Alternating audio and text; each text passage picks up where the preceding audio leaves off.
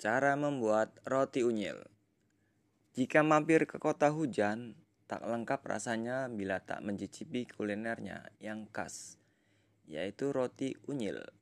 Jajanan berukuran kecil yang membuat orang ketagihan ini rupanya sudah menjadi makanan khas Bogor sejak puluhan tahun lalu.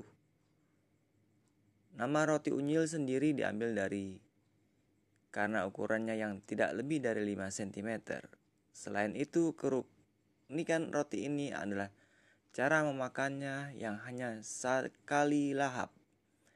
Isian dan roti ini pun beragam layaknya roti berukuran besar seperti keju, kismis, pisang, coklat, keju, hingga sosis. Di tengah maraknya selebriti yang berlomba-lomba membuat toko kue kekinian mengatasnamakan daerah tersebut, Nampaknya ekstensi roti unyil tidak tergeserkan sebagai salah satu makanan khas Bogor. Namun jika kamu tidak tinggal di Bogor dan belum pernah mencobanya, kamu bisa kok membuatnya sendiri di rumah. Kamu pun juga bisa mengkreasikan isinya sesuai seleramu. Yuk intip cara membuat roti unyil yang kami buat. Bahan 400 gram tepung protein tinggi, 100 gram tepung protein rendah, 3 butir kuning telur, 1 setengah sedot ragi, 100 gram gula pasir, 100 gram butter margarin, 250 ml susu cair. Isian dan topping sosis, abon, mayones, atau bisa apa saja sesuai selera kamu.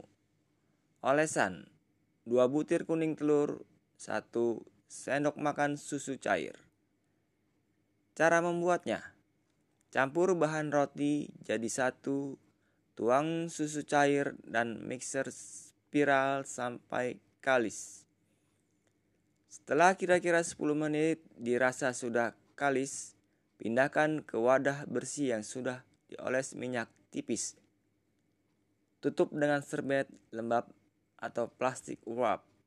Diamkan sampai mengembang dua kali lipat. Setelah adonan mengembang, kempeskan dan bentuk sesuai selera.